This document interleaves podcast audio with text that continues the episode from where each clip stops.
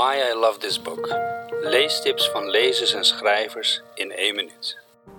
Een ontgoocheling is een verhaal over de keizer. Een sigarenfabrikant die er helemaal niks van bakt. Alleen zijn vrienden en wat familie willen zijn sigaren kopen. En eigenlijk mislukt alles in zijn leven. Zo ook zijn zoontje Kareltje. Die wil advocaat worden. Eigenlijk duwt de, zijn vader dat een beetje op hem. Maar uiteindelijk bakt hij er helemaal niks van. Want hij moet Latijn kunnen spreken en dat lukt maar niet op het gymnasium. Hij blijft niet één, niet twee, maar drie keer zitten. En doet telkens de eerste klas opnieuw. Er gebeurt iets grappigs in een ontgoocheling. Er zit namelijk de allereerste oogrol van de Nederlandstalige literatuur in. De oogrol is een bekend fenomeen. Nu in 2017. Ik kan hem, hoop ik, een beetje. Het gaat ongeveer zo.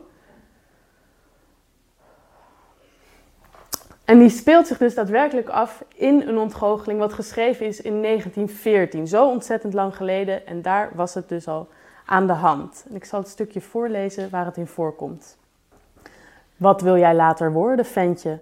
vroeg een vriend van zijn vader, hem bij de oren trekkend. Kareltje antwoordde dan niet dadelijk en keek naar de grond, waar kwispen doorstonden en eindjes sigaar om de tafel lagen. Kom jongen, zeg eens aan mijn heer wat je wil worden, zei vader op zijn beurt, harten bij harten en klaveren bij klaveren stekend. Advocaat, klonk het eindelijk. Lemmers, een vettige man die onder het drinken altijd op zijn das morste, legde zijn kaarten neer, schoof zijn stoel tot vlak voor Kareltje en neeg naar voren, tot zijn neus het voorhoofd van de jongen raakte. Zijn adem stonk naar bier en tabak en de kwel langs zijn kin aan de kant waar de pijp in zijn mond zat. Hij wrong Kareltjes hoofd recht tot hem deze in de ogen keek en vroeg hem streng of hij armen en zwakken zou verdedigen tegen de kruiperijen der grote bazen.